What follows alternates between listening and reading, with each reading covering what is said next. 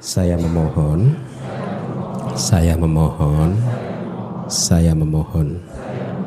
Supaya buah dari perbuatan buruk apa pun yang telah saya lakukan, baik melalui perbuatan, ucapan, dan pikiran, dapat terhindarkan, dan demi memperoleh jasa kebajikan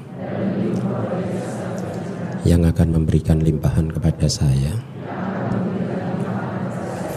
dengan umur panjang, kesehatan, kebebasan dari segala bahaya dan bencana. Saya merangkapkan kedua telapak tangan,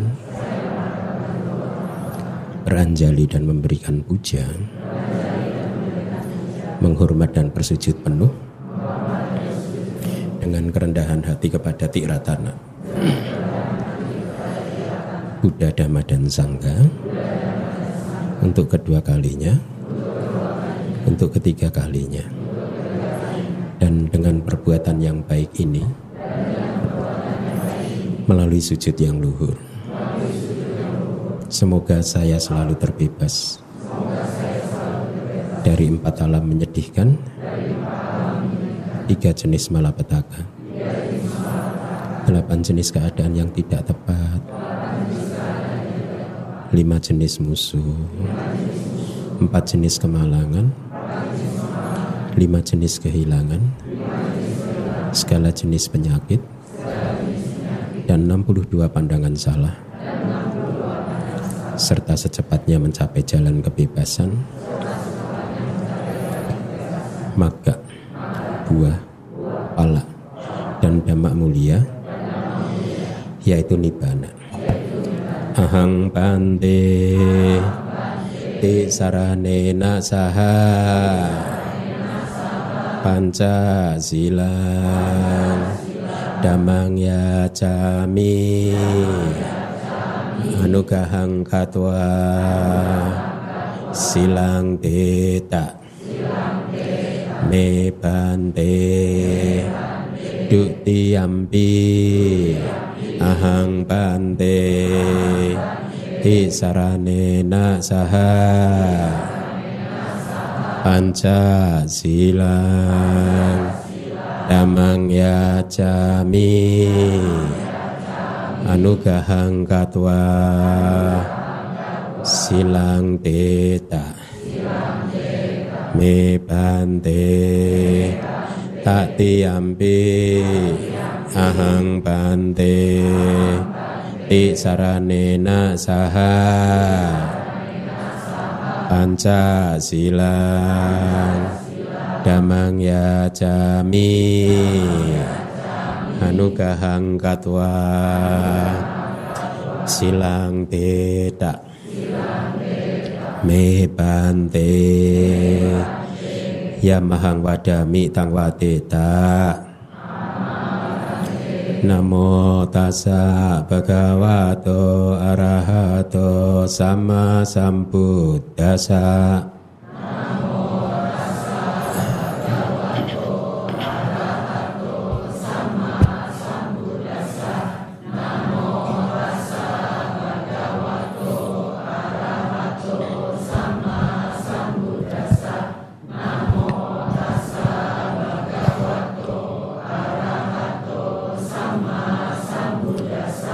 Budang seranang gacami, damang seranang gacami, sanggang seranang gacami.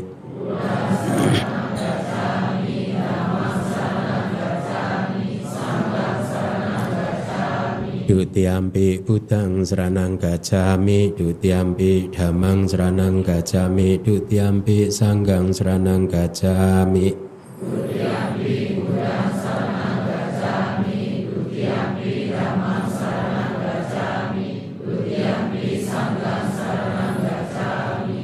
Tatiampi budang seranang gacami Tatiampi damang seranang gacami Tatiampi sanggang seranang gacami Tatiampi budang seranang gacami Tatiampi damang seranang gacami Tatiampi sanggang seranang gacami Ti sarana kahanang paripunang นาติปตาเวระมณีสิกขาปะดังสัมมาทิยามิ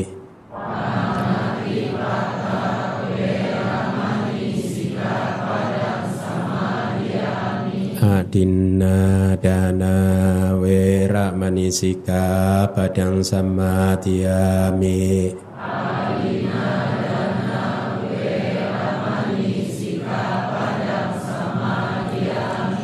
อา เมสุมิจฉาจารา เวระมณีสิกขาปะดังสัมมาทิยามิ มุสาวาดา เวระมณีสิกขาปะดังสัมมาทิยามิ สุราเมรยมัจจปมาดัฏฐานา เวระมณีสิกขาปะดังสัมมาทิยามิ อิดังเมปุญญัง อาส ส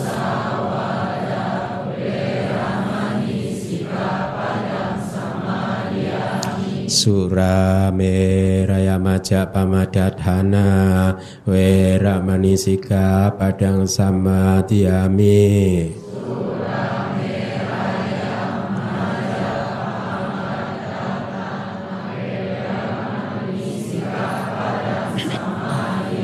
Hidang me punyang, asawakaya wahang, hotu idang mesilang nibbanasa pajayo. Hotu. Ti sarana saha pancasila damang sadukang katua pemadina sampatida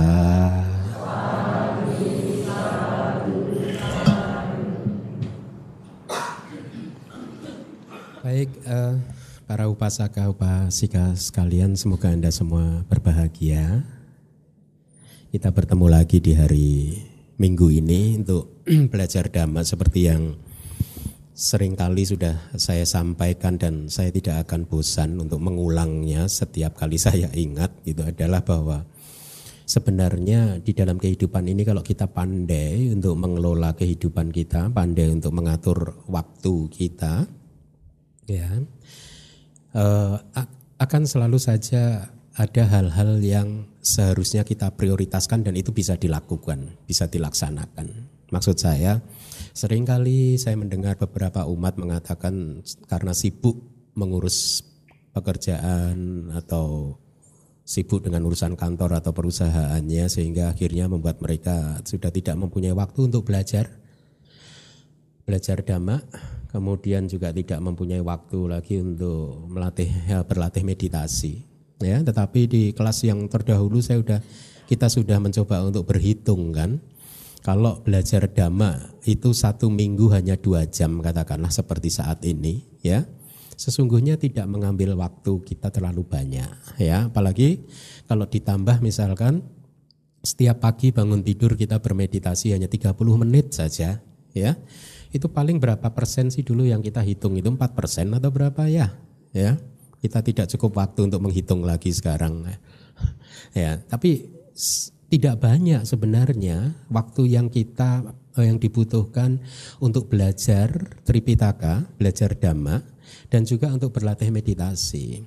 Jadi sesungguhnya hampir mustahil dan atau tidak masuk akal kalau Anda masih merasa atau seseorang merasa tidak punya waktu untuk belajar Dhamma atau bermeditasi.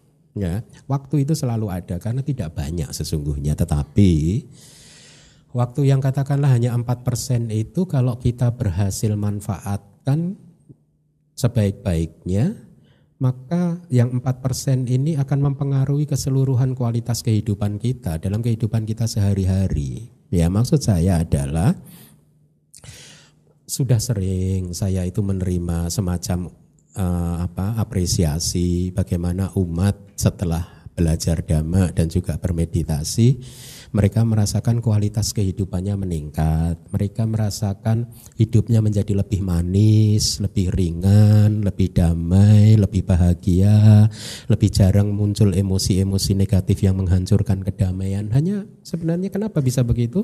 Karena dengan belajar dan bermeditasi kebijaksanaan kita berkembang. Ya Nah, yang menarik di dalam ajaran Buddha adalah bahwa ini adalah ajaran yang universal, Ya, satu minggu terakhir ini beberapa kali saya menerima potongan ceramah-ceramah saya. Sepertinya ada umat, sepertinya bukan umat yang hadir di kelas ini, umat di luar yang melihat semua YouTube eh, kita ceramah kemudian dipotong hanya jadi satu menit, dua menit atau tiga menit itu dikirimkan kepada saya gitu. Dan mereka juga mengapresiasi bahwa dengan hanya mendengarkan melalui channel YouTube juga mereka mendapatkan pengetahuan dan kebijaksanaan yang berkembang, meningkat sehingga mereka bisa memahami isi pikirannya sendiri, isi batinnya sendiri dan dengan demikian kualitas kehidupan mereka juga meningkat. Yang menarik di dalam Buddhism adalah ini adalah ajaran yang universal. Ya, klip yang kemarin saya cantumkan di media apa? apa itu namanya? Hah? Facebook. Ya. Kira-kira kan begitu bahwa tujuan kita belajar agama agama Buddha itu bukan demi untuk membuat semua orang beragama Buddha, ya. Kita tidak mempunyai misi itu. Kita tidak berkepentingan untuk itu karena kita tahu bahwa sesungguhnya yang paling penting adalah memahami kehidupan ini dengan baik. Dan inilah mengapa dhamma itu sangat universal. Ajaran Buddha itu sangat universal. Artinya universal itu apa? Ya, bisa dipahami oleh siapa pun juga, yang beragama apa pun juga bisa belajar Tripitaka, kemudian mempraktekannya, melatihnya dan akan mendapat manfaat yang sama karena memang cita rasa dari dhamma adalah akan memberikan kita ketentraman, ketenangan, kedamaian. Ya. Nah, jadi 4% dari waktu kita tidak banyak. Oleh karena itu, Cuman masalahnya adalah sering kali manusia itu tidak disiplin ya. Kilesa-kilesanya selalu memberikan alasan ada saja untuk bermalas-malasan ada saja untuk tidak mau belajar dhamma ada saja alasan untuk tidak mau bermeditasi. Nah itu sifat dari kilesa sifat dari kotoran batin. Hati yang masih kotor akan selalu menemukan alasan untuk melakukan hal yang tidak baik termasuk itu bermalas-malasan itu adalah hal yang tidak baik. Hati yang masih kotor itu seperti lalat. Lalat itu yang dicari apa? Sampah, kotoran. Ya, kalau hati yang bersih seperti kupu-kupu, dia akan selalu mencari bunga. Jadi hati-hati dengan kotoran batin kita karena dia itu paling pandai untuk meyakinkan kita untuk melakukan perbuatan yang tidak baik termasuk juga bermalas-malasan, tidak mau belajar, tidak mau bermeditasi. Kalau kita tidak mau belajar dan tidak mau bermeditasi, apa sih dampaknya? Dampaknya adalah kita menyia-nyiakan waktu kehidupan yang sangat berharga ini, sehingga kelahiran kita sebagai manusia ini tidak mengalami kemajuan apa-apa. Ya, kita saat seumur hidup dari lahir sampai nanti di akhir kehidupan kita kita hanya mengejar dunia, padahal dunia ini semu Semakin Anda kejar, semakin dia menjauh. Semakin Anda mengejar kebahagiaan, kebahagiaan itu semakin menjauh. Anda tidak bisa mengejar kebahagiaan. Ya, Anda tidak bisa karena kebahagiaan itu bukan seperti eh, kebahagiaan itu seperti fata morgana gitu. Kalau Anda tujuannya mengejar kebahagiaan tidak. Tapi kalau Anda tujuannya adalah mengembangkan kebijaksanaan untuk memahami kehidupan ini dengan baik baru kebahagiaan dan kedamaian itu tercapai. Tetapi kalau Anda ingin mendapatkan kedamaian dan kebahagiaan dan mengejar dunia tidak akan pernah uh, kita dapatkan, Anda dapatkan karena dia seperti fata morgana. Ya, fata morgana itu kan semakin kita mendekat objeknya semakin menjauh, tidak akan pernah bisa kita jangkau. Ya. Oleh karena itu kembali lagi 4% dari waktu kita untuk mempelajari dhamma, untuk mempelajari pikiran kita, untuk mempelajari kehidupan ini dengan baik akan benar-benar memberikan satu sumber kedamaian dan kebahagiaan. Nah, dhamma seperti yang kelas minggu lalu juga saya sam, sudah sampaikan bahwa dhamma itu berbicara tentang apa sih bunga di dalam taman hati kita, apa saja sih kualitas-kualitas hati yang baik apa saja sih kualitas-kualitas hati yang tidak baik? Apa saja sih kualitas hati yang perlu kita latih, perlu kita sirami, perlu kita kembangkan? Apa juga kualitas-kualitas hati yang tidak perlu kita kembangkan, tidak perlu kita latih ya. Nah, informasi-informasi seperti ini bisa Anda dapatkan melalui kelas-kelas seperti ini ya. Salah satu bunga yang harus kita latih, harus kita tumbuh kembangkan ya, harus kita sirami terus-menerus adalah bunga parami. Bunga kebijak uh, sorry kesempurnaan ada 10 parami dan kita sudah membicarakan delapan parami. Berarti paling tidak Anda sekarang kita semua sekarang mengenal ada minimal delapan bunga yang baik di dalam taman hati kita yang harus kita sirami terus, harus kita latih, harus kita buat besar, harus kita buat kuat. Dengan demikian apa hati ini akan menjadi indah. Hati yang indah akan menemukan kedamaian dan kebahagiaan ya. Nah, parami yang ke-9 yang akan kita pelajari pada pagi hari ini adalah meta parami. Saya yakin Anda semua sudah sedikit banyak tahu apa itu meta parami ya.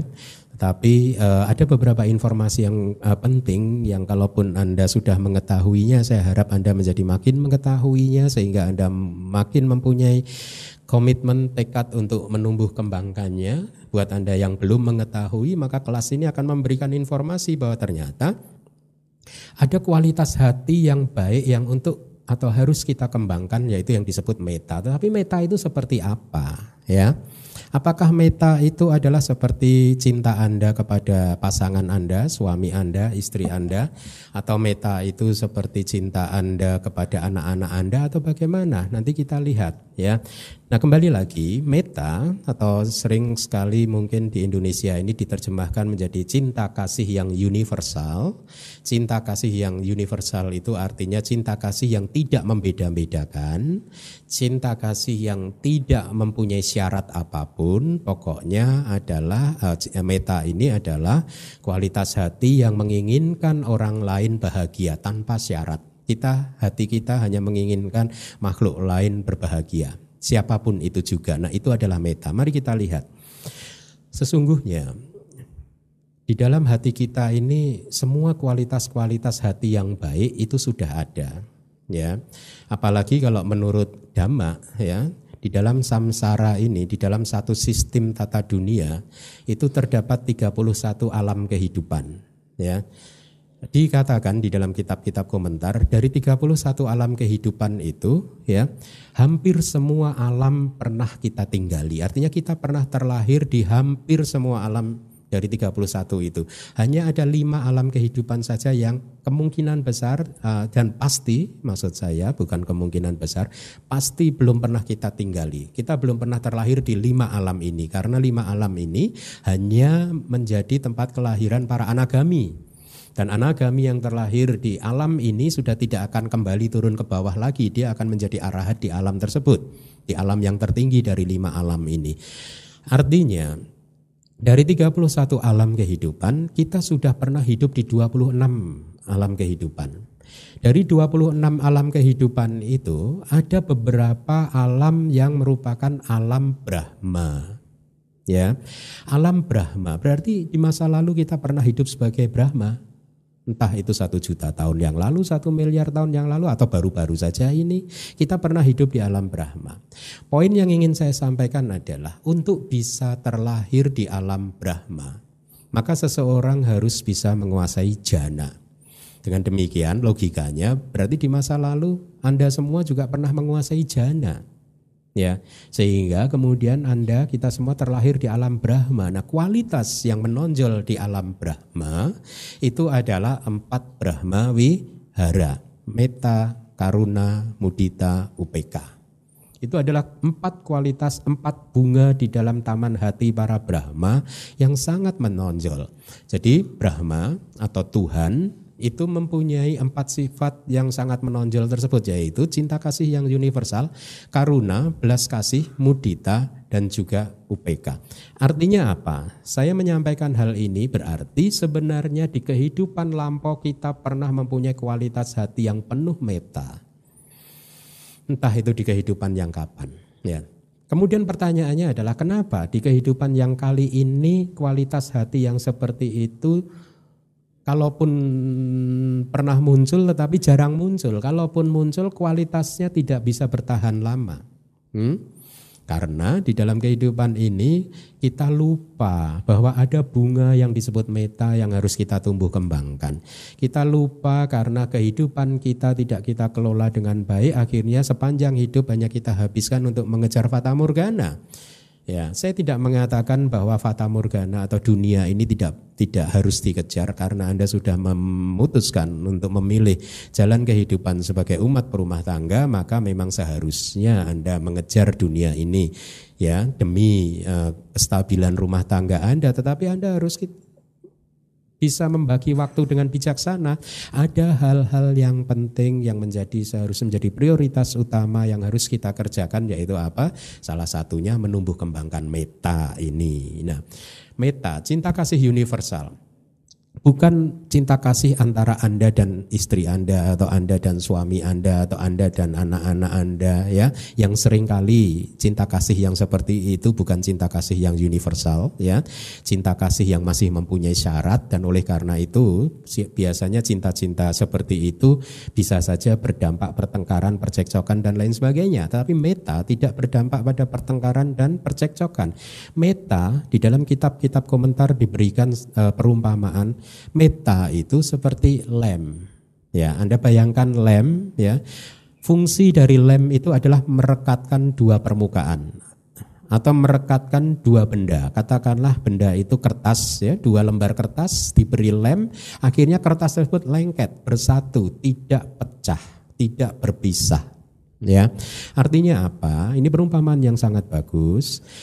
Kalau kita ini mempunyai meta, maka persahabatan kita dengan siapa pun akan lengket.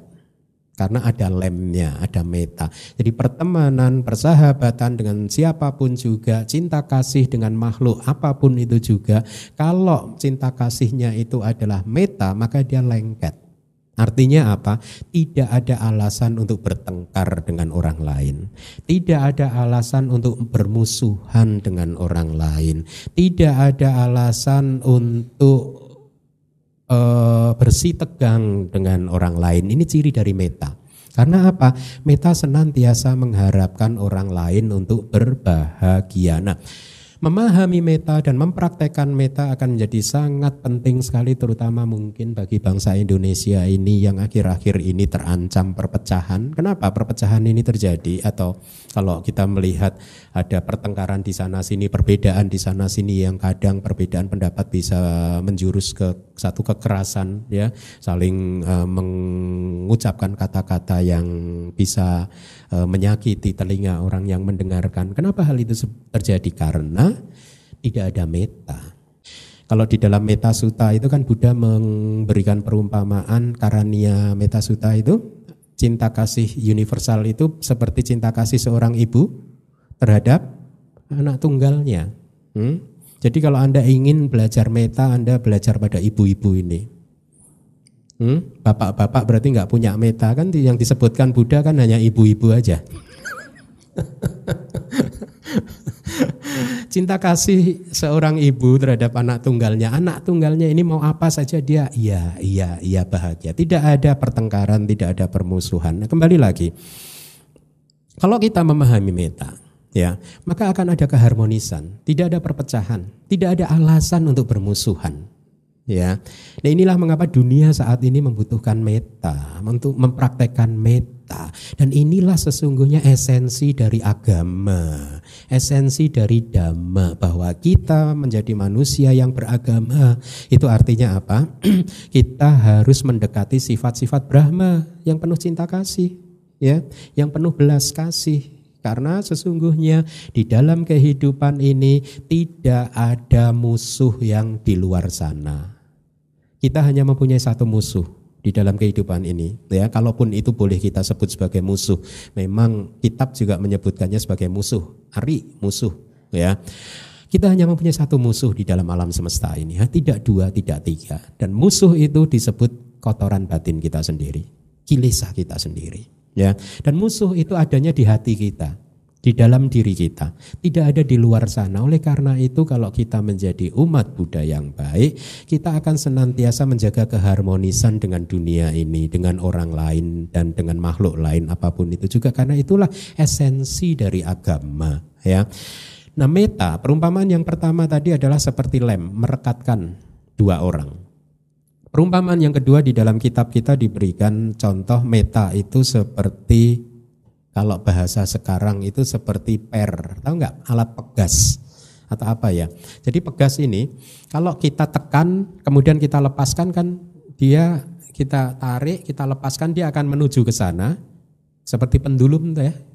Kemudian balik lagi ke sini, ke sana lagi, ke sini, ke sana, ke sini. Nah, meta itu seperti itu kualitasnya. Artinya apa? Artinya kalau hati kita ini mempunyai meta, kalau kita memberikan meta kita kepada makhluk lain, maka makhluk lain itu pun juga akan memberikan meta kembali kepada kita. Sehingga akhirnya apa? Hubungan antara kita dan orang lain menjadi rapat ya menjadi harmonis ya. Pada saat hati kita penuh meta maka orang juga akan memberikan meta kepada kita. Jarang sekali seseorang eh, apa melakukan perbuatan yang tidak baik terhadap orang lain yang hatinya penuh cinta kasih. Hmm? Kalau Anda penuh cinta kasih, Anda akan aman ke mana pun Anda berada, di mana pun Anda berada. Dan inilah mengapa biasanya salah satu syarat seorang biku diperbolehkan untuk bertapa, istilahnya bermeditasi di hutan belantara. Buddha menasihati kepada para biku bahwa kalau kita hidup di hutan belantara, kita harus menguasai meta, mengembangkan meta. Supaya apa? Supaya ada keharmonisan antara kita dan para makhluk yang ada di dalam hutan tersebut sehingga tidak ada gangguan yang akan kita terima ya karena di hutan ini kan gangguannya banyak kan tidak hanya binatang buas yang kelihatan, yang tidak kelihatan juga ada kan. Nah, mereka yang mempunyai meta akan hidup harmonis di mana pun mereka berada. Jadi dua perumpamaan yang bisa ditemui di dalam kitab kita adalah satu meta itu seperti lem. Kalau anda mempunyai meta maka hubungan pertemanan persahabatan anda akan rang, uh, apa melekat dengan baik harmonis tidak ada pertengkaran percekcokan perpisahan dan lain sebagainya meta juga seperti alat apa itu pegas ya per ya dia e, memantul ke sana dan kemari bolak-balik begitu. Kalau kita memberikan meta kepada orang lain, maka orang lain pun juga akan memberikan e, meta e, kepada kita. Nah, mari kita lihat apa yang bisa kita pelajari dari cinta kasih ini, dari meta, ya. Meta atau cinta kasih menyempurnakan kebulatan tekad untuk berbuat demi kebaikan makhluk lain. Minggu lalu kita sudah mempelajari adidana kan, kebulatan tekad ya. Kebulatan tekad ya tekad yang bulat untuk melakukan sesuatu yang baik untuk menyempurnakan parami-parami yang lain akan menjadi semakin sempurna kalau diperkuat oleh meta. Kenapa? Karena sering kali di dalam latihan-latihan kita ya, awalnya kita mempunyai tekad yang bulat, tetapi di tengah perjalanan begitu situasi sulit maka kita sudah mulai kehilangan kepercayaan diri kita. Kita mulai kehilangan sada kita. Kita mulai kehilangan meta kita. Ingat, kalau kita berbicara tentang cinta kasih, tidak hanya cinta kasih ini berkaitan dengan antara kita dan orang lain, tetapi juga berkaitan antara kita dan diri kita sendiri, kita dan kehidupan kita sendiri. Jadi kita harus mempunyai meta juga terhadap diri kita sendiri ya. Kenapa seseorang pada saat melatih parami, melatih latihan-latihan spiritual Buddhis di tengah jalan kemudian patah arang, patah semangat banyak kan, ya. E, di negeri-negeri Buddhis juga banyak. Seseorang menjadi biku kemudian di tengah jalan lepas jubah. Hmm? Karena kehilangan arah, kehilangan orientasi, akhirnya lepas jubah. Kenapa? Karena mereka tidak mempunyai meta. Salah satu alasannya karena tidak adanya meta terhadap diri mereka sendiri, sehingga pada saat mereka menemui kesulitan, mereka mulai mencari-cari kesalahan. Ya entah itu kesalahannya ada di menurut mereka di orang lain atau kesalahannya di diri sendiri. Jadi intinya karena tidak adanya meta maka akhirnya terjadilah patah semangat tadi. Ada perpecahan, tidak ada keharmonisan antara apa yang diinginkan dan apa yang dilakukan. Ya, oleh karena itu dikatakan bahwa cinta kasih atau meta akan menyempurnakan kebulatan tekad kita. Meta akan memastikan bahwa latihan-latihan kita juga akan bisa bertahan lama walaupun ada kesulitan-kesulitan di tengah perjalanan tetapi meta memastikan kita untuk tetap konsisten eh, pada latihan-latihan kita. Kemudian dengan cinta kasih maka tekad kita tidak mudah goyah dengan demikian maka jadilah kebulatan tekad ya. Jadi tekadnya uh, tidak uh, setengah-setengah. Jadi sekali lagi pada saat kita mempelajari tentang meta, tentang cinta kasih, hendaknya juga kita masukkan diri kita sendiri sebagai objek dari cinta kasih tersebut. Kehidupan kita juga menjadi objek dari cinta kasih tersebut. Kehidupan itu mengandung bisa dibagi menjadi tiga waktu. Pengalaman kehidupan kita di masa lalu, di masa sekarang, dan juga di masa depan. Ya, kita harus mengembangkan cinta kasih itu terhadap pengalaman-pengalaman masa lalu juga. Berapa banyak manusia di muka bumi ini yang tidak bisa memaafkan masa lalunya. Mereka yang tidak bisa memaafkan apa yang sudah terjadi di masa lalu adalah mereka yang sudah kehilangan meta terhadap kehidupannya sendiri. Berapa banyak manusia di muka bumi ini yang tidak bisa memaafkan dirinya sendiri di saat yang sekarang karena mereka juga sudah kehilangan meta terhadap dirinya sendiri. Berapa banyak manusia di muka bumi ini yang selalu dicekam oleh rasa takut, cemas dan khawatir terhadap apa yang menurut mereka akan terjadi di masa depan. Itu pun muncul karena dia sudah kehilangan meta terhadap kehidupannya sendiri. Oleh karena itu, mengembangkan meta yang paling utama pertama kali harus dikembangkan juga adalah mengembangkan meta terhadap kehidupan kita sendiri. Kita harus mulai bisa belajar untuk menerima kehidupan kita sendiri. Apa pun yang sudah terjadi harus kita terima dengan lapang dada. Apa pun yang akan terjadi, risiko-risiko buruk yang menurut kita akan terjadi juga harus bisa kita terima dengan penuh senyum karena itu ciri dari dari meta, tidak ada permusuhan, tidak ada ketakutan, tidak ada kekhawatiran. Ya. Nah, dengan demikian, dengan mengembangkan meta terhadap diri kita sendiri, kita akan mulai bisa mengapresiasi ya. Oh ternyata yang disebut cinta kasih universal itu seperti ini. Seperti halnya saya diri saya yang tidak ingin uh, kehilangan meta maka saya pun juga harus memastikan bahwa makhluk lain juga bahagia seperti uh, saya. Nah jadi dengan cinta kasih maka tekad kita tidak mudah goyah maka jadilah aditana itu sebagai kebulatan tekad. Mari kita lanjutkan Empat batasan seperti biasa, karakteristiknya dari meta adalah satu perwujudan dari kualitas hati yang membawa manfaat bagi makhluk lain. Ya, saya katakan makhluk lain berarti tidak terbatas hanya manfaat untuk manusia, tetapi siapa pun juga nyamuk, semut dan lain kecoa. Ya, jadi meta kita adalah meta yang universal kepada siapa pun, merangkul siapa pun. Jadi karakteristik ini adalah uh, perwujudan kualitas hati yang tidak galak, tidak bengis, tidak mencari kesalahan, ya, tidak menganggap ada lawan di dalam dunia ini, ya. Sebaliknya senantiasa bersikap penuh kasih, penuh cinta kasih, uh, bersahabat dengan siapa pun juga. Ini karakteristik dari meta, ya senantiasa mengharapkan uh, makhluk lain bahagia. Kalau di dalam kitab komentar ada istilah Pali anukula mita. Mita itu teman, anukula itu teman yang menyenangkan. Jadi kalau hati kita ini penuh meta, maka kita akan menjadi teman yang menyenangkan buat teman-teman kita. Ya. Sehingga karena kita adalah teman yang menyenangkan buat teman-teman kita, maka teman-teman kita pun akhirnya apa? Bersahabat dengan kita dan inilah mengapa persahabatan menjadi rapat tidak ada perpecahan karena dilem oleh kualitas hati yang disebut uh, meta. Fungsi dari meta adalah untuk menyediakan diri kita sendiri demi manfaat makhluk lain, tidak hanya orang ya, demi manfaat makhluk lain. Jadi kita, hati yang siap sedia untuk menolong orang lain, hati yang senantiasa siap untuk membantu orang lain, senantiasa mengutamakan keharmonisan daripada permusuhan. Itu ciri dari meta, fungsi dari meta. Kalau di kitab kita diberi contoh itu seperti uh, bulan purnama. Kalau di masa lalu karena hiburannya itu terbatas ya, Ya, kita di masa kecil juga sering ya kalau bulan purnama kita akan uh, sering uh, menghabiskan malam di pelataran gitu hanya untuk memandang ke atas bulan yang bulat begitu ya. Di kitab suci diberi contoh begitu. Seseorang yang mempunyai meta itu seperti bulan purnama itu menyenangkan. Ya, tentu kita ingin kan menjadi seseorang yang menyenangkan buat teman-teman kita ya. Oleh karena itu kembangkanlah meta ya. Memang ini adalah satu kualitas yang belum mungkin belum tumbuh secara maksimal di hati kita. Oleh karena itu paling tidak kita sekarang tahu bahwa ada kualitas hati yang harus kita tumbuh kembangkan yaitu melatih diri kita untuk senantiasa mengharapkan orang lain berbahagia. Karena ini adalah bunga maka harus disirami karena ini adalah bunga maka harus dilatih. supaya bisa tumbuh besar.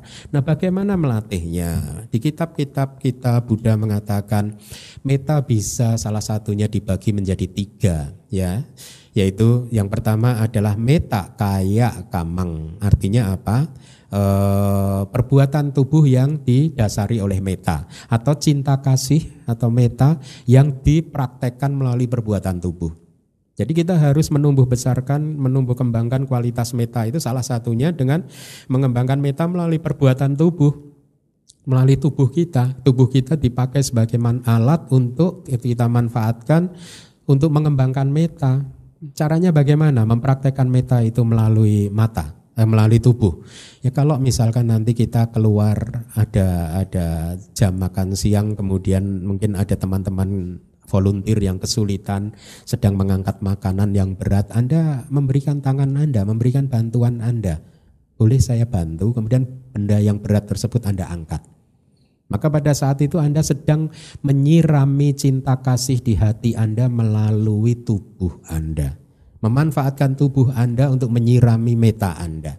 Ya, atau misalkan kalau Anda berpapasan di reception di depan itu karena sempit jalanannya, kemudian tidak mungkin dua orang dari dua arah berjalan bersamaan, akhirnya Anda diam dulu memberi kesempatan kepada orang lain untuk berjalan terlebih dahulu dengan niat hati bahwa saya ingin membahagiakan dia maka itu adalah latihan untuk menumbuh kembangkan meta melalui tubuh Anda ya. Atau juga meta yang melalui tubuh itu bisa dilatih melalui mata kita. Mata kan bagian dari tubuh kita pada saat Anda bercakap-cakap dengan teman Anda, Anda tatap wajah mereka, ya tatap dua mata mereka, kemudian uh, uh, dengan mata yang meta gitu ya. Ucapkan di dalam hati semoga kamu berbahagia semoga kamu berbahagia. Maka dengan demikian Anda mengembangkan meta dengan melalui pintu yang berikutnya yaitu pintu pikiran. Jadi tadi kan pintu tubuh ya. Meta kaya kamang waci uh, meta waci kamang sebenarnya yang kedua adalah melalui ucapan ya.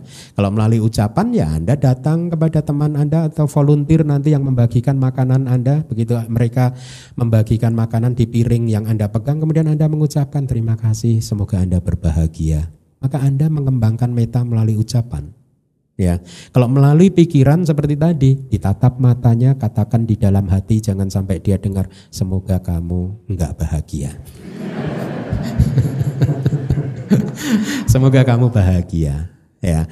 Jadi ada tiga pintu yang bisa kita manfaatkan untuk melatih meta. Mari kita latih meta itu melalui tidak harus bermeditasi duduk pejam mata, tetapi melalui di dalam kehidupan sehari-hari ini kita bisa melatih melalui tiga pintu tadi yaitu pintu tubuh, pintu ucapan, dan juga pintu batin atau pikiran. Ya, mari kita lanjutkan. Manifestasi uh, dari meta adalah menyingkirkan kemarahan, tidak adanya kemarahan di dalam hati kita. Ya, karena kemarahan itu adalah lawan dari meta, kebalikan dari meta. Ya, seseorang yang marah berarti dia sudah kehilangan meta. Seseorang yang hatinya penuh dengan meta berarti pada saat itu tidak ada kemarahan. Ini opposite. Jadi berlawanan antara meta dan kebencian, meta dan e, kemarahan. Jadi pada saat meta berkembang maka kemarahan akan hilang dari hati kita, ya. Nah, eh, di kitab-kitab kita juga disebutkan bahwa kalau hati kita ini penuh dengan cinta kasih, maka praktek untuk mengamalkan, mengembangkan sila itu menjadi sangat mudah, menjadi lebih mudah, relatif lebih mudah. Mereka yang hatinya penuh cinta kasih relatif lebih mudah mempraktekkan moralitas Buddhis. Mereka yang hatinya penuh cinta kasih relatif mempunyai perilaku yang lebih baik. Ya, uh, perilaku-perilaku baik lebih mudah untuk dikembangkan. Ya, karena sila itu tidak hanya lima sila yang tadi Anda latih, tetapi sila di dalam artian Buddhism itu termasuk juga perilaku-perilaku, ucapan-ucapan yang baik, perilaku-perilaku yang baik yang lainnya. Sehingga dengan kata lain, kalau kita menumbuh kembangkan meta, maka kualitas-kualitas ucapan dan perbuatan tubuh yang baik akan relatif lebih mudah untuk uh, uh, kita kembangkan. Mari kita lanjutkan. Sebab terdekat dari kemunculan meta adalah senantiasa melihat kualitas makhluk yang baik. Senantiasa menemukan bahwa semua makhluk itu mempunyai kualitas yang baik, ya. Memang sifat pikiran kita itu seperti itu, ya. Coba Anda renungkan sifat dari pikiran Anda. Pada saat Anda memikirkan hal-hal yang baik, maka pada saat itu Anda bahagia atau tidak? Anda akan bahagia. Sebaliknya, pada saat Anda memikirkan hal-hal yang tidak baik, lihatlah pada saat itu hati Anda gelap gulita atau tidak? Gelap gulita. Nah, yang menyebabkan gelap gulita itu adalah objek yang Anda pikirkan atau perilaku Anda yang memikirkannya. Maksud saya begini. Kalau Anda memikirkan seseorang yang menurut Anda telah menyakiti Anda, maka tiba-tiba Anda menderita. Nah pertanyaan saya adalah coba direnungkan yang membuat Anda menderita sesungguhnya orang tersebut yang menurut Anda menyakiti Anda atau pikiran Anda sendiri? Jawabannya adalah pikiran Anda sendiri. Orang tersebut itu baik-baik saja. Ya, oleh karena itu kalau kita ingin memunculkan meta, sebab terdekat kemunculan meta adalah kemampuan kita untuk menemukan alasan yang baik, kemampuan kita untuk menemukan kualitas yang baik dari orang tersebut, dari siapa pun itu juga. Ya, carilah akan selalu ada alasan yang baik. Ya. Sifat-sifat yang baik dari siapa pun. Tidak ada ceritanya manusia atau makhluk apa pun juga yang 100% itu jahat semua nggak ada ya. Nah, hal seperti ini membutuhkan keterampilan untuk senantiasa melihat sisi baik dari orang tersebut. Kalau kita sudah merasa hati kita sedang jengkel marah terhadap seseorang, maka pada saat itu cobalah kita renungkan, kita analisa, kita temukan kualitas positif dari orang tersebut. Maka dengan demikian tiba-tiba meta kita terhadap orang tersebut muncul dan kemarahan kebencian jadi hilang. Dengan demikian Anda menjadi manusia yang hidupnya di surga. Ya. Karena Kemarahan kebencian adalah neraka. Siapa pun yang hidup diliputi oleh kemarahan, kebencian dan dendam, mereka adalah manusia yang hidupnya di neraka. Nah, kita mempunyai pilihan. Mempunyai pilihan mau hidup di surga atau mau hidup di neraka di alam kehidupan di alam manusia ini, ya. Pilihannya tergantung pada keterampilan kita untuk menemukan sisi baik dari orang uh, atau manusia atau makhluk siapa pun itu juga. Nah, ini masalah keterampilan harus kita latih ya. Jadi kembali lagi uh, dengan melihat menemukan kualitas positif dari makhluk yang menjadi objek pikiran kita, maka kemarahan kebencian akan hancur dan sebaliknya meta akan berkembang. Jadi selalulah kita berjuang, berusaha melatih supaya makin hari menjadi makin terampil untuk menemukan alasan yang baik atau kualitas yang baik yang dimiliki oleh teman-teman kita, makhluk siapa pun itu juga. Ya, uh, sebenarnya ya kalau kita terampil, kita akan selalu mampu menemukan uh, alasan. Misalkan, kalau ada seseorang yang membuat kita jengkel, membuat kita marah. Kalau orang yang tidak memahami dhamma kan kemudian dia akan membalas dendam kan? Ya. Tetapi kalau kita yang memahami dhamma kan kita kemudian mem, bisa merenung eh ternyata saya masih mempunyai kemarahan. Ternyata saya masih mempunyai PR yang harus saya selesaikan, yaitu apa? Membersihkan hati dari kemarahan. Melepaskan kemarahan ini supaya tidak berkecamuk di dalam hati kita ya. Kalau kita melihat dengan demikian, bukankah kita seharusnya mengapresiasi orang tersebut? Karena dia sudah menunjukkan kepada kita bahwa ternyata kita masih mempunyai kemarahan, bahwa ternyata kita masih mempunyai kebencian, gitu, ya. Jadi cara melatihnya adalah sifat dari pikiran kita begini. Kalau kita perhatian kita ini kita alirkan ke orang tersebut, maka kemarahan akan menjadi makin menguat. Oleh karena itu kalau kita sedang jengkel terhadap orang tersebut, perhatian jangan dialirkan ke arah orang tersebut, tetapi sebaliknya kita arahkan ke dalam hati kita, gejolak hati kita, bagaimana hati ini terbakar, ya bagaimana hati ini e, menderita karena kemarahan tersebut, dan kemudian lihatlah siapa yang rugi dari kemarahan ini, apakah dia yang rugi atau saya yang rugi, ya. Kemudian lihatlah bagaimana kemarahan dan kebencian ini sesungguhnya bukan sesuatu yang yang yang apa yang kekal Dia hanyalah fenomena yang muncul sebentar dan kemudian lenyap. Nah, dengan terus mengarahkan ke hati kita, maka kebencian, kemarahan akan perlahan-lahan dia akan padam, ya, akan lebih mudah padam dan dengan demikian pada saat kemarahan sudah mau padam akan mudah buat kita untuk melepaskannya. Dengan demikian hati kita akan terbebas dari kemarahan dan kebencian. Mari kita lanjutkan perenungan mengembangkan sifat yang mementingkan diri sendiri ya tidak akan pernah bisa membahagiakan kita baik di kehidupan saat ini maupun di kehidupan mendatang ya. Seringkali saya uh, bertemu dengan seseorang yang di usianya yang sudah cukup tua 60 tahun ke atas 70 tahun dan dia mengatakan kepada saya bahwa kehidupan mereka hampa ya e, mereka menjadi manusia yang tidak bahagia ya. Mereka selama kehidupannya sampai di umur 60 70 itu eh, di sepanjang kehidupannya telah mengejar sesuatu yang keliru yang tadinya menurut mereka bisa memberikan kebahagiaan ternyata tidak. Apa itu mengejar sesuatu yang keliru? Mereka menghabiskan waktu tenaga untuk meniti karir ya untuk mengembangkan bisnis sehingga akhirnya lupa dengan keluarga ya. Tanpa mereka sadari ternyata hubungan uh, mereka dengan pasangannya menjadi sangat rapuh. Karena sepanjang kehidupan sering kali waktunya dari pagi sampai malam dihabiskan di luar untuk mengembangkan bisnisnya.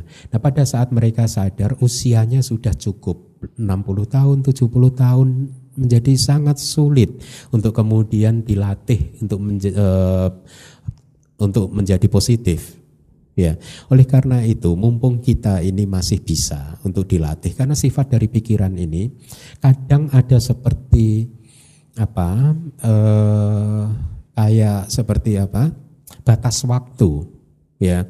Ada orang-orang tertentu yang begitu sudah melewati batas waktunya begitu dia sadar bahwa dia salah dia mau kembali lagi ke jalan yang benar itu menjadi sangat sulit sekali anda ingat seperti ceramah saya di hukum karma, ada suami istri yang berasal dari keluarga yang kaya raya, yang dikatakan oleh Buddha kalau saja mereka berdua suami istri ini di umur 20 dan 30 menjadi biku dan bikuni maka yang laki-laki akan menjadi arahat yang perempuan akan jadi anagami dan seterusnya.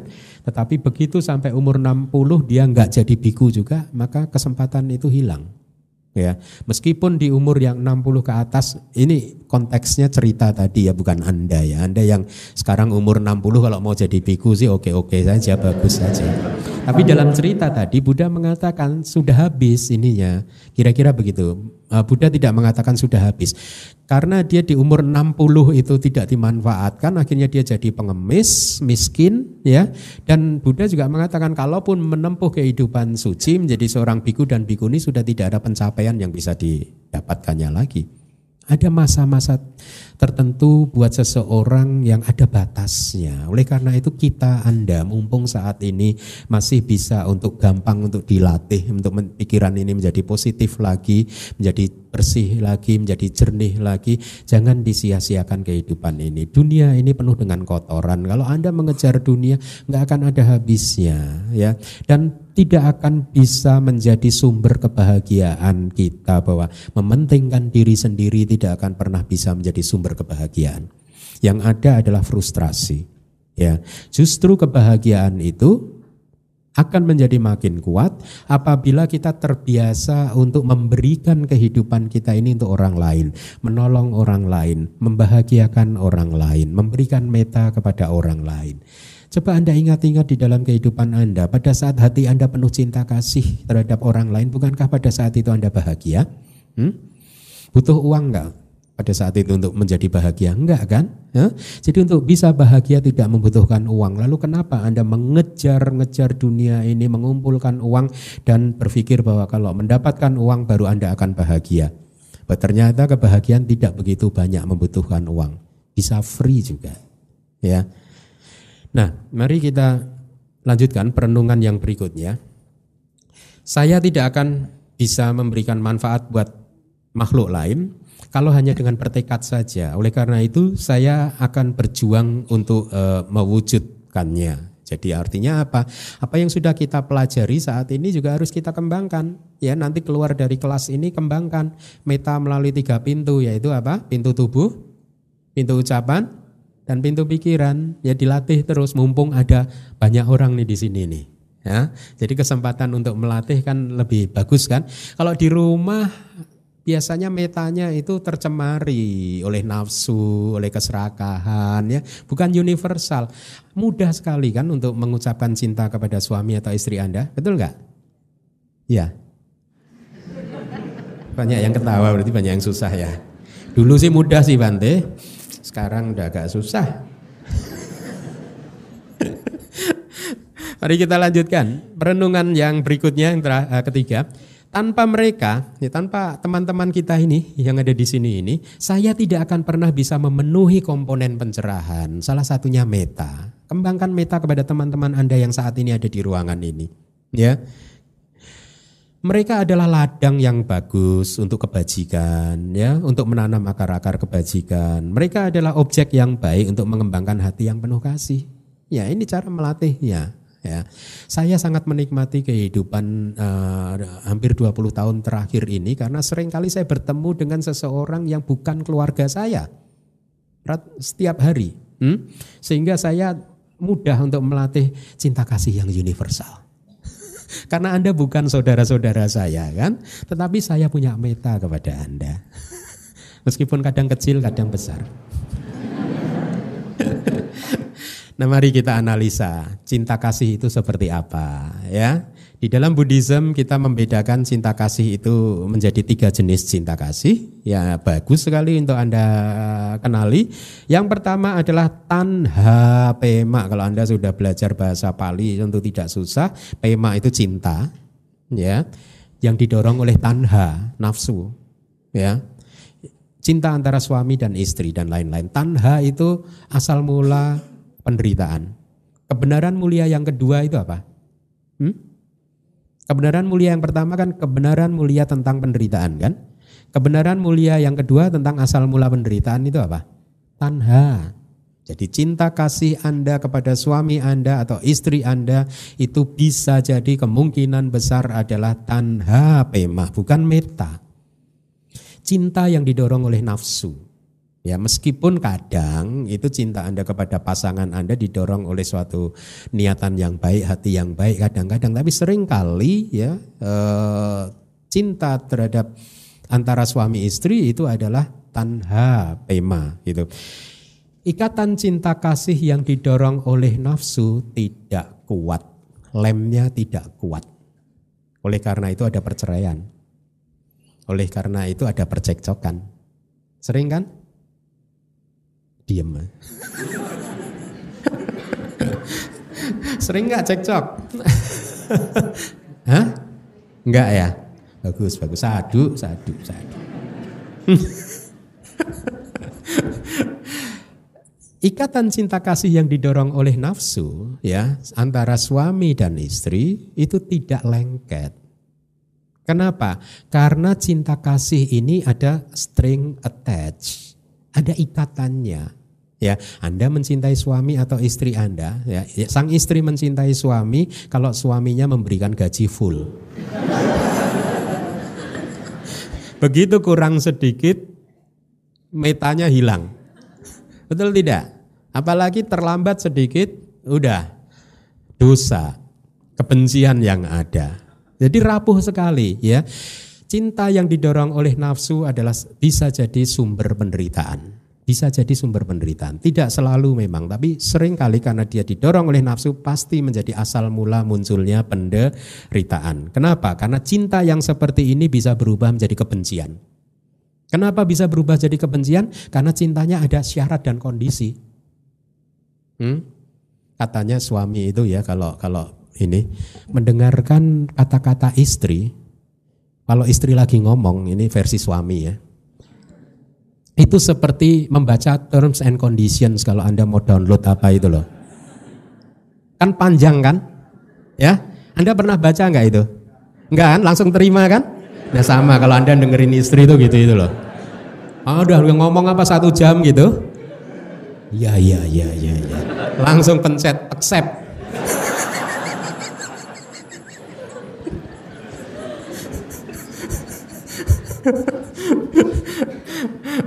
Betul tidak sih? Hah?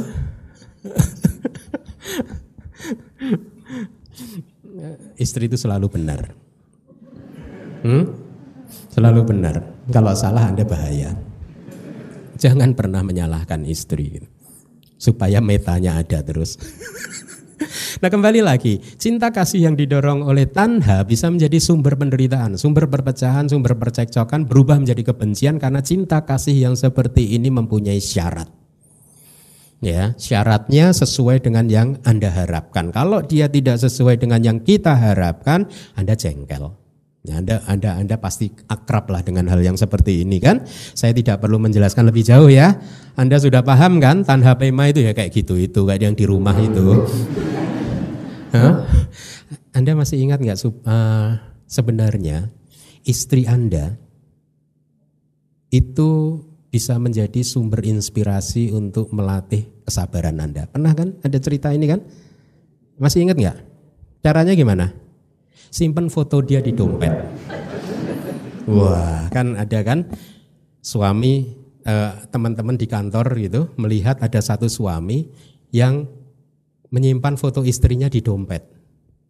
Setiap kali gitu ya, eh, si teman-teman kantornya itu memperhatikan setiap kali si laki-laki tersebut sedang berada di dalam kesulitan, ya, Oh, belum tahu kalau itu adalah istrinya. Tapi dia memperhatikan, teman-teman satu kantor memperhatikan setiap kali laki-laki ini berada dalam kesulitan, dia selalu menyendiri, kemudian ambil dompet, dibuka sebentar, satu menit, kemudian wajahnya cerah lagi. Masukin gitu kan. Kemudian di kesempatan lain dipanggil bos, dimarahi sampai dia wajahnya udah sedih gitu. Begitu keluar dari ruang bos, dia di eh, mojok di pojokan sendirian ambil dompet, dibuka satu menit dilihat, cerah lagi gitu kan. Nah teman-temannya kan curiga ini apa ini? Dia pasti punya mantra yang membuat dia menjadi cerah seperti itu pada saat menghadapi masalah yang sulit. Akhirnya kan ditanya, eh kamu punya mantra apa sih? Hebat sekali loh. Saya lihat setiap kali kamu dimarahin bos ya, muka kamu udah masam, udah merah padam seperti itu, tapi begitu buka dompet satu menit cerah kembali gitu. Apa sih mantranya? Bagi dong ke kita dong. Kita kan juga pengen biar kalau dimarahin bos juga jadi jadi happy lagi, cerah lagi gitu. Akhirnya si suami tadi menjawab sebenarnya bukan mantra sih. Ini loh, saya itu memasang wajah uh, foto istri dia gitu istri dia dipasang di dompet. Wah hebat ya teman satu kantor kan memuji kamu benar-benar laki-laki idaman.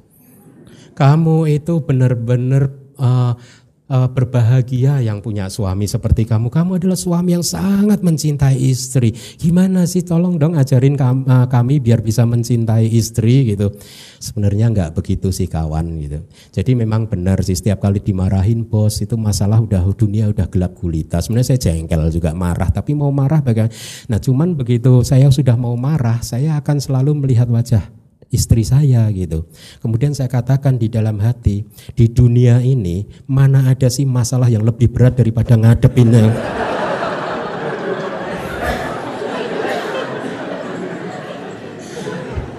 Nah kalau ngadapin yang ini aja bisa, masa bos nggak bisa saya gitu.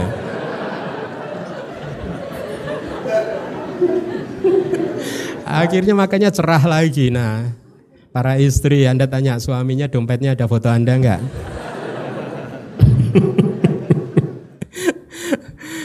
Baik, itu tanha pema ya. Eh, saya tidak akan menceritakan uh, lebih panjang karena Anda lebih paham dari saya. Tapi yang kedua, ini juga seharusnya Anda lebih paham dari saya. Yang pertama tadi didorong oleh tanha, sebab penderitaan, asal mula penderitaan. Yang kedua ini GH sita pema, cinta yang berdasar GH rumah, berdasar tinggal satu rumah. Jadi cinta kasih yang muncul di antara sesama penghuni rumah. Jadi cinta kasih Anda kepada anak-anak Anda, cinta kasih Anda kepada orang tua yang masih tinggal satu rumah, cinta Anda kepada pet Anda, binatang-binatang peliharaan Anda, cinta kasih Anda kepada maaf eh, apa eh, pembantu Anda, ya. Pokoknya cinta kasih yang muncul di antara sesama anggota keluarga yang tinggal satu rumah. Berdasarkan atau bergantung tempat tinggal di dalam satu rumah itu muncul ikatan di sana. Nah, di dalam Buddhism dijelaskan bahwa cinta kasih seperti ini berdasarkan keserakahan, loba, ya. Sama dengan yang pertama, dua cinta kasih ini adalah cinta kasih yang menurut Buddhism adalah cinta kasih yang tidak baik karena akan menghasilkan menjadi sebab penderitaan karena melekat. Ya, cinta kasih yang seperti ini kan cinta kasih misalkan ya, Anda mencintai anak-anak Anda, ya kan, tidak tidak diragukan lagi. Tetapi kan Anda tidak mencintai anak-anak teman Anda kan, padahal sama-sama anak-anaknya. ya, tidak kan karena anak-anak teman Anda tidak tinggal satu rumah dengan Anda. Anda kira-kira seperti itu ya. Anda mencintai binatang peliharaan Anda, tetapi Anda tidak mencintai binatang peliharaan orang lain ya. Anda mencintai istri Anda, tapi Anda tidak mencintai istri orang. Salah ya? Kalau yang ini salah ya? ya pengen sih Bante tapi kan takut. Kalau yang itu pengennya universal sih Bante. Tapi apa pun juga ya, dua jenis cinta yang sudah kita pelajari ini adalah cinta yang terbatas. Ya, cinta yang terbatas artinya apa ya? Anda mencintai mereka yang tinggal satu rumah dengan Anda. Di luar rumah itu Anda tidak peduli. Hmm? Cinta kasih yang pertama juga begitu. Anda mencintai istri Anda, istri orang lain Anda nggak peduli. Hmm, ya kan? Biarkan istri-istri seluruh dunia menderita kecuali istri Anda. Nah, gitu kan? Ya. Jadi terbatas ya. Tidak sehat. Tidak sehat. Saya mengatakan ini tidak bermaksud untuk mengatakan berarti tidak tidak usah dicintai aja istrinya. Enggak, dibenahi, dibenahi. Supaya lebih positif cinta Anda kepada istri, cinta Anda kepada suami, biar lebih positif, biar everlasting. Nah, berlangsung lebih lama lagi, lebih stabil dan lebih positif ya. Dengan memahami bahwa oh ternyata dua cinta ini berdasarkan uh, kualitas batin yang tidak baik, maka dengan demikian Anda kemudian muncul tekad untuk memperbaikinya ya uh, supaya kehidupan Anda menjadi lebih bahagia. Sedih saya kalau ngomong kehidupan rumah tangga bahagia. Ada ya? Ada nggak sih? Ada ya. nggak maksud saya adalah ya sering kali seseorang mengeluh kehidupan rumah tangganya tidak bahagia dan dia menyalahkan yang istri menyalahkan suami, yang suami menyalahkan istri. Sesungguhnya tidak ada orang lain yang salah. Yang salah adalah diri kita sendiri. Cara pandang Anda yang harus dirubah ya cara pandang Anda yang harus digeser supaya bisa menemukan alasan yang baik untuk mencintai suami atau mencintai istri dengan lebih positif lagi. Dengan demikian rumah tangga Anda akan lebih stabil, lebih damai, lebih tenang dan lebih bahagia. Nah, itu dua cinta yang pertama, yang kedua, yang terakhir adalah metapema. Ini yang kita bahas atau materi kita pagi hari ini yaitu cinta kasih universal. Ini adalah cinta kasih yang mulia karena hanya seseorang yang hatinya mulia yang mempunyai meta seperti ini ya. Dan seharusnya menjadi kewajiban buat kita untuk terus melatihnya, mengembangkannya ya karena kalau kita ini mempunyai meta maka dunia lingkungan kita ini akan menjadi lingkungan yang aman. Menjadi lingkungan yang aman, tentram dan damai Ya, bayangkan kalau di, bang, di di negara ini seluruh rakyatnya itu hatinya penuh meta. Pasti tidak ada perpecahan kan? Pasti tidak ada permusuhan kan? Atau minimal di lingkungan ini semuanya melatih meta. Makanya eh, akhirnya lingkungan ini akan jadi lingkungan yang sejuk. Ya menjadi sangat spiritual. Ya karena apa? Masing-masing menunjukkan dukungannya masing-masing mengharapkan orang lain untuk berbahagia. Jadi akhirnya menjadi dunia kecil yang indah untuk ditempati. Nah jadi ada tiga jenis uh, uh, meta ya. Mari kita lanjutkan. Meta parami cinta kasih tanpa batas yang merupakan uh, kualitas orang suci, orang mulia tanpa batas itu artinya ya tidak ada batas merangkul semua, semua makhluk itu menjadi objek dari meta uh, kita. Berbeda dengan tanha pema dan geha sita pema yang sering kali cinta kasih yang didorong oleh ego ya. Ego semakin besar maka penderitaan pun akan jadi uh, semakin besar Seperti yang di awal tadi saya katakan, pada hakikatnya semua orang mempunyai benih meta. Anda pun juga mempunyai benih meta, saya pun juga mempunyai benih meta. Ya, masalahnya adalah benih yang sudah pernah besar di kehidupan yang lampau, di kehidupan yang sekarang jarang kita latih, jarang kita sirami. Ya, oleh karena itu tadi di awal saya sebutkan, sampaikan kepada Anda ada tiga cara untuk melatih meta, yaitu meta kayak kamang, ya, melalui perbuatan tubuh, mengembangkan meta melalui ucapan dan mengembangkan meta melalui uh, pikiran. Nah, kita harus terus-menerus uh, melatih uh, meta melalui tiga cara tersebut. Kemudian tanha pema cinta kasih yang didorong oleh nafsu dan GH Sita Pema, cinta kasih yang muncul di dalam anggota keluarga yang tinggal satu rumah adalah sesungguhnya juga merupakan benih meta. Hanya saja masih belum dikembangkan lebih luas lagi. Masih dikembangkan hanya pada lingkungan yang terbatas. Cinta kasih Anda kepada istri Anda, Anda masih terbatas pada istri Anda. Cobalah kembangkan ke istri orang lain. Nggak maksud saya ke makhluk yang lain di luar rumah Anda ya. Karena di dalam satu teknik meditasi meta kan seperti itu. Kita mengembangkan meta ke atas, ke bawah, ke kanan, ke kiri, ke depan, ke belakang ya. Di wilayah ini, kemudian di kecamatan ini, di kota ini sampai kemudian seluruh alam semesta. Itu salah satu latihan meta. Nah, sebenarnya oleh karena itu dikatakan meta Anda kepada pasangan Anda, suami atau istri Anda itu sebenarnya benih. Anda sekarang sudah mengetahui oh kasih itu seperti itu, seperti cinta Anda pada saat Anda menghadap mengharapkan suami atau istri Anda bahagia. Itu meta. Nah, sekarang tinggal objeknya yang diperluas. Ya, rasa yang sudah pernah Anda rasakan tadi Anda perluas tidak hanya kepada suami atau istri Anda, tetapi kepada makhluk yang lebih luas lagi dengan rasa yang sama seperti yang Anda rasakan tadi. Jadi Anda lebih mudah karena Anda setiap kali di rumah Anda mendapatkan objek untuk mengembangkan cinta kasih Anda kepada istri, suami dan anak Anda, ya. Tinggal kemudian rasa yang itu Anda pahami oh cinta kasih itu seperti ini, kemudian Anda kembangkan kepada orang lain di luar rumah ya. Oleh karena itu tanha pema dan keha sita pema adalah benih meta yang masih belum berkembang. Dengan kata lain, benih ini harus kita tumbuh kembangkan. Nah, saya cantumkan uh, meta suta ya. Biasanya kalau di wihara di luar negeri kita setiap sore hari-hari tertentu karena bergiliran kan setiap hari itu kita kita membaca ini kita hafal dalam hati ini semua. Bagus kalau Anda juga hafalkan meta ya bika weceto wimutia ase vitaya bawitaya bahuli ketaya yani ketaya watu ketaya dan seterusnya gitu. Ya, supaya Anda kemudian paham, oh meta ini seperti ini, kualitasnya seperti ini, manfaatnya seperti ini. Jadi ini suta ini berkaitan dengan 11 kualitas atau 11 manfaat dari uh, meta ya.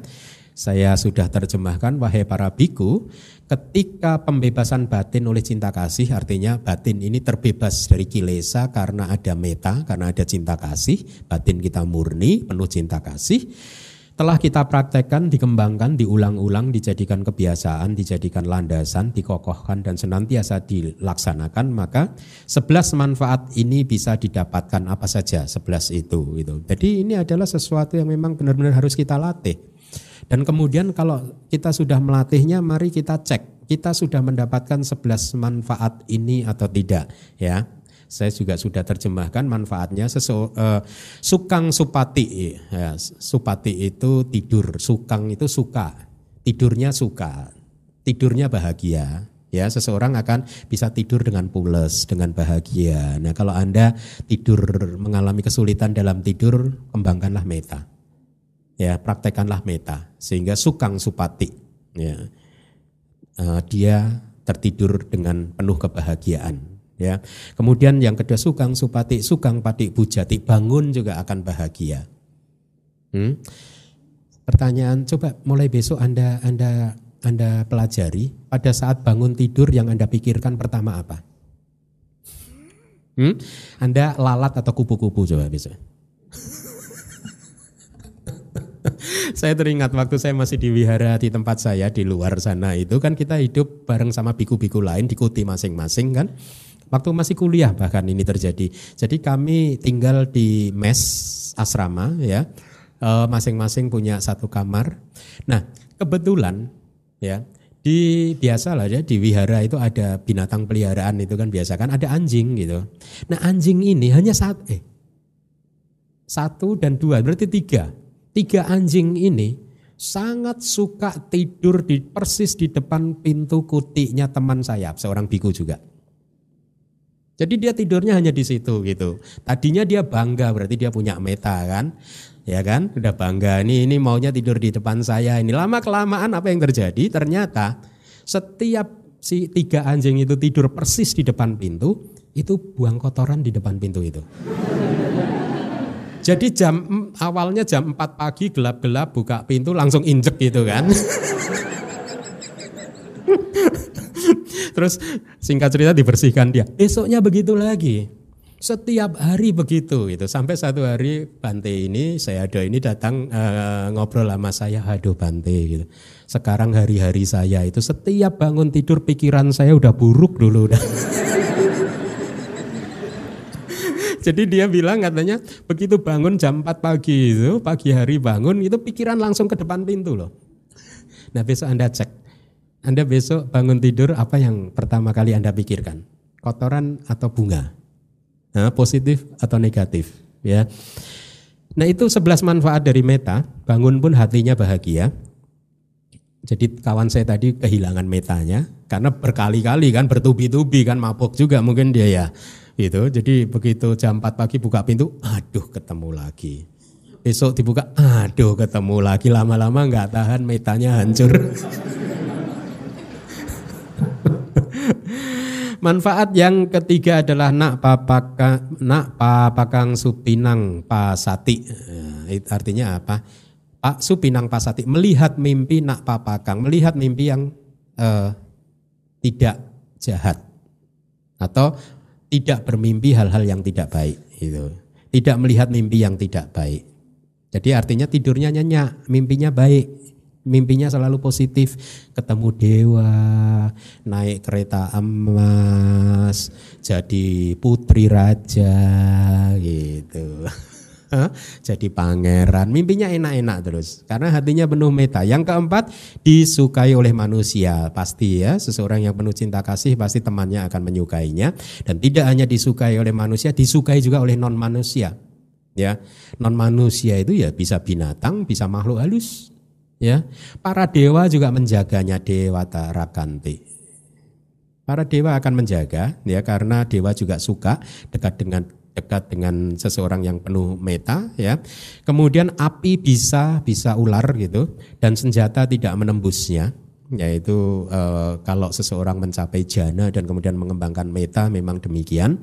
Tidak ada yang bisa melukai e, tubuhnya itu batinnya akan terpusat dengan cepat kalau Anda bermeditasi, kalau dibantu oleh meta terlebih dahulu, maka samadhi akan cepat tercapai. Ya, konsentrasi akan cepat tercapai dengan bantuan meta.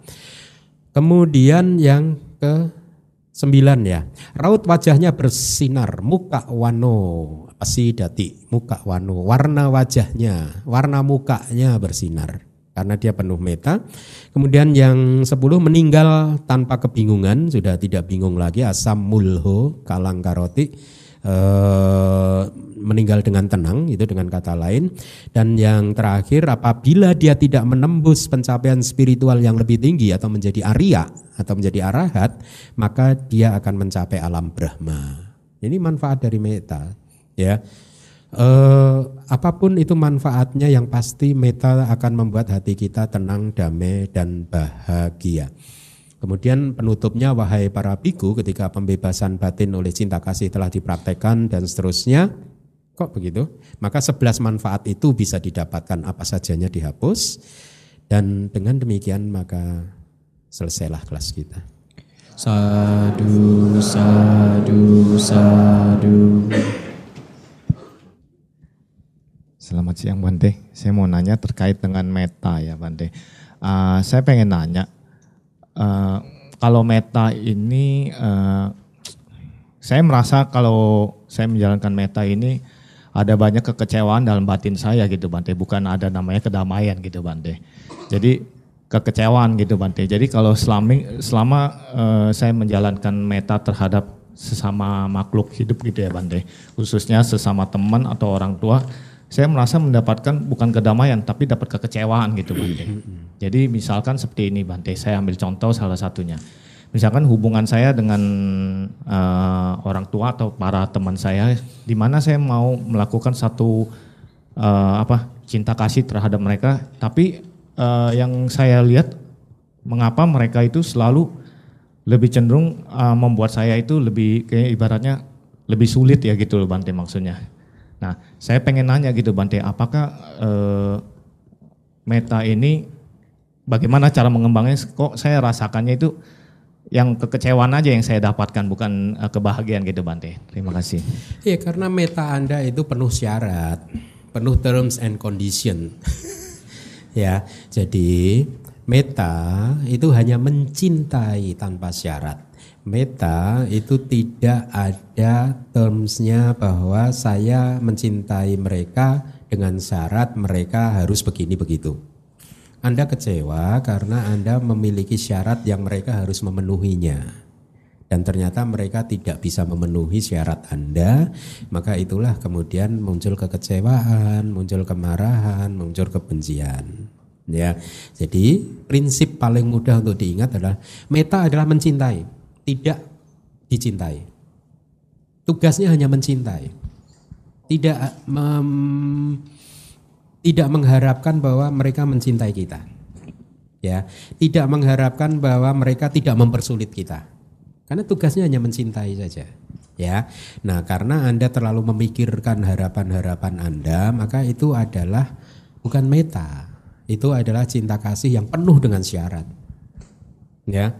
Itu bukan meta, itu jual beli. Lu jual gue beli. Kalau lu nggak jual, gue nggak beli, ya kan? Uh, barter, bukan begitu, bukan. Meta hanya mencintai saja, tidak ada kaitannya dengan harus dicintai. Ya, tugas kita hanya mencintai. Kita tidak mempunyai kewajiban untuk membuat seluruh dunia mencintai kita. Tapi kita mempunyai kewajiban untuk mencintai seluruh dunia. Beda enggak? Beda.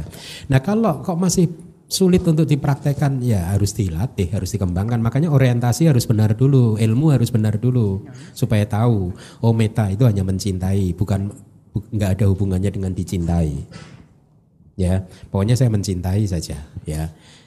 Kalau ternyata dia malah mempersulit, ya berarti uh, meta saya kurang. Harus kita tumbuh kembangkan lagi karena seharusnya kan meta itu seperti lem Nah, berarti masih ada yang salah nih metanya. Nah kok bisa terjadi katanya kalau meta harus seperti lem kok kenyataannya saya mempunyai meta ke orang tua malah orang tua mempersulit saya malah hubungan jadi berantakan. Ya berarti itu bukan meta. Nah gitu aja kan ya. Kalau benar-benar meta dia seperti lem dan dia seperti pegas yang go, uh, go uh, apa uh, berbalik pergi ke sana pergi ke sini. Artinya kita memberikan meta, dia akan memberikan meta kepada kita. Itu kalau yang benar. Kalau belum begitu, berarti masih ada yang uh, belum benar. Ya, uh, tugas kita mencintai siapa pun itu juga, tanpa mengharapkan bahwa mereka mencintai kita. Ya, kemarin saya menyampaikan hari-hari apa ya? Uh, hari Jumat mungkin saya menyampaikan cerita seperti ini. Ini true story, true story. cerita benar-benar terjadi. Ada seorang dari salah satu negeri Buddhis hidup di Australia, kemudian menikah dengan suami Australia. Singkat cerita, di awal-awal pernikahannya si istri istri mulai menyadari bahwa suaminya yang orang bule ini ternyata perilakunya sifatnya tidak baik. Karena apa? Sering pulang terlambat ya. Kemudian kalau pulang malam tengah malam dalam keadaan mabuk dan kalau sudah dalam keadaan mabuk ringan tangan. Jadi si istri ini yang orang perempuan Asia dari negeri Buddhis mengalami siksaan dari suaminya baik itu mental, psikis maupun fisik juga gitu. Nah, beberapa tahun di masa awal itu sebenarnya dia sempat sudah tidak kuat lagi ingin minta cerai ya. Tetapi karena dia dibesarkan di negara Buddhis dengan budaya Buddhis yang sudah cukup tinggi, dia paham tentang nilai-nilai spiritual bahwa di dalam kehidupan ini apa yang harus dikembangkan dia paham. Oleh karena itu, singkat cerita dia akhirnya tidak meminta cerai dari suaminya, sebaliknya dia bertekad dengan aditana bertekad bulat bahwa apa pun yang dia lakukan kepada saya, saya tetap akan mencintai dia tanpa syarat. Dia bertekad hari itu dia bertekad. Mungkin di tahun kedua, ketiga, awal-awal pernikahan. Dia bertekad bahwa apa pun meskipun dia dibiting gitu, dipukul, terus suaminya tidak memenuhi kewajibannya, uh, sebagai kepala rumah tangga dan lain sebagainya, dia bertekad bahwa sikap dia kepada suaminya tidak akan berubah. Jadi tekadnya sangat bulat, aditanaknya sangat bulat sekali gitu. Nah singkat cerita, itu benar-benar dipraktekkan karena sudah menjadi tekad yang bulat. Meskipun disiksa oleh suaminya secara mental, psikis, fisik, dia tidak berubah. Tetap saja setiap pagi sarapan dia sediakan, pakaian suaminya dia cuci dan dia persiapkan seperti biasanya. Senyum juga dia paksakan, dia kembangkan. Dia mengatakan bahwa pada masa-masa awal semuanya sangat berat. Sangat berat. Karena kemarahan, rasa tidak menerima masih cukup kuat. Ya. Tetapi aditana dia cukup cukup kuat juga karena dia tahu arah yang benar di dalam kehidupan ini bahwa yang harus dikembangkan adalah memaafkan, cinta kasih dan lain sebagainya. Maka dia tahan kemarahan kebenciannya itu meskipun disiksa seperti itu dia paksakan diri terus pada awalnya, ya. Tidak ada perubahan apa pun dari sikap dia, tidak menjadi lebih buruk, tetap seperti masa-masa pacaran dulu itu dia yang mengatakan begitu. Ini cerita benar-benar terjadi di Australia. Nah, singkat cerita, sampai di usia pernikahan belasan tahun, saya agak lupa antara 12 sampai 14 tahun, tiba-tiba jadi sepanjang pernikahan yang katakanlah 14 tahun itu si istri mempraktekkan meta terus. Ya. Dan suaminya juga masih seperti itu terus sampai di usia pernikahan belasan tahun tadi 14 tahun pada suatu malam suaminya menyadari kekeliruannya dan kemudian menangis di depan istrinya minta maaf bahwa sekarang dia sadar bahwa dia telah menyia-nyiakan istri yang sangat mulia. Nah singkat cerita happy ending story suaminya sadar dan sejak itu uh, uh, mereka hidup happily ever after. bahagia selama-lamanya ya si suaminya sadar itu. Poin yang ingin saya sampaikan adalah bahwa meta itu begitu. Meskipun disiksa dia tugas dia hanya mencintai. Jadi dia hanya mencintai tidak ada syarat. Tapi jangan siksa saya ya enggak. Tapi kalau pulang jangan mabuk nanti saya kasih meta deh enggak. Meta hanya mencintai. Stop di sana stop. Tidak ada koma, tidak ada kelanjutannya. Pokoknya mencintai. Ya. Ada kualitas hati yang memaafkan juga. Ya seperti cinta kasih seorang ibu terhadap anak tunggalnya. Ya apa pun yang dilakukan anak tunggalnya dia bisa menerima. Seperti apa yang dilakukan oleh perempuan Asia tadi, apa pun yang dilakukan oleh suaminya yang mabuk-mabukan dan lain sebagainya, dia bisa menerima dengan cinta kasih. Tidak pernah berteriak pada saat dipukul, tidak membalas apa pun dengan tubuhnya, dia hanya terima, diam, dia sibuk untuk memperbaiki hatinya sendiri. Itu meta. Itu cerita ini sangat menginspirasi. Saya mendengar cerita ini mungkin 10 tahun yang lalu. Ya, 10 tahun yang lalu. Sangat menginspirasi bagaimana seseorang yang paham teori pariyati, dhamma, akhirnya bisa mengambil manfaat dari teori yang sudah dia pelajari dan dia praktekkan dengan tekad yang bulat ya. Dia tidak waktu dia menceritakan itu dia tidak menunjukkan rasa bersyukur bahwa suaminya akhirnya berubah tidak karena bukan itu concern dia. Ya dia hanya bercerita tentang bagaimana dia melatih meta selama belasan tahun itu. Ya bahwa dia dari dari kenyataan bahwa dia tidak menunjukkan rasa istilahnya tidak syukur, menunjukkan rasa syukur terhadap suaminya yang bertobat istilahnya yang menyadari kesalahannya itu memberikan kesan kepada kami yang mendengarnya bahwa fokus dia benar-benar untuk mencintai tidak mengharapkan suaminya sadar Dan dia tidak pernah bercerita selama belasan tahun waktu itu saya meng- mengharapkan satu hari mudah-mudahan dia sadar. Dia nggak pernah bercerita seperti itu. Jadi dia hanya bercerita apa pun seburuk apa pun yang dia terima, dia tetap akan mencoba untuk mencintai suaminya tanpa pernah berubah. Itu meta. Ya istrinya langsung melirik. Sebelahnya, "Hah? tuh gitu tuh gitu ya tadi ya. Iya kan?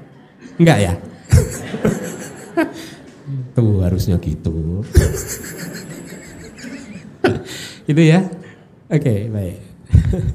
Ya berikutnya.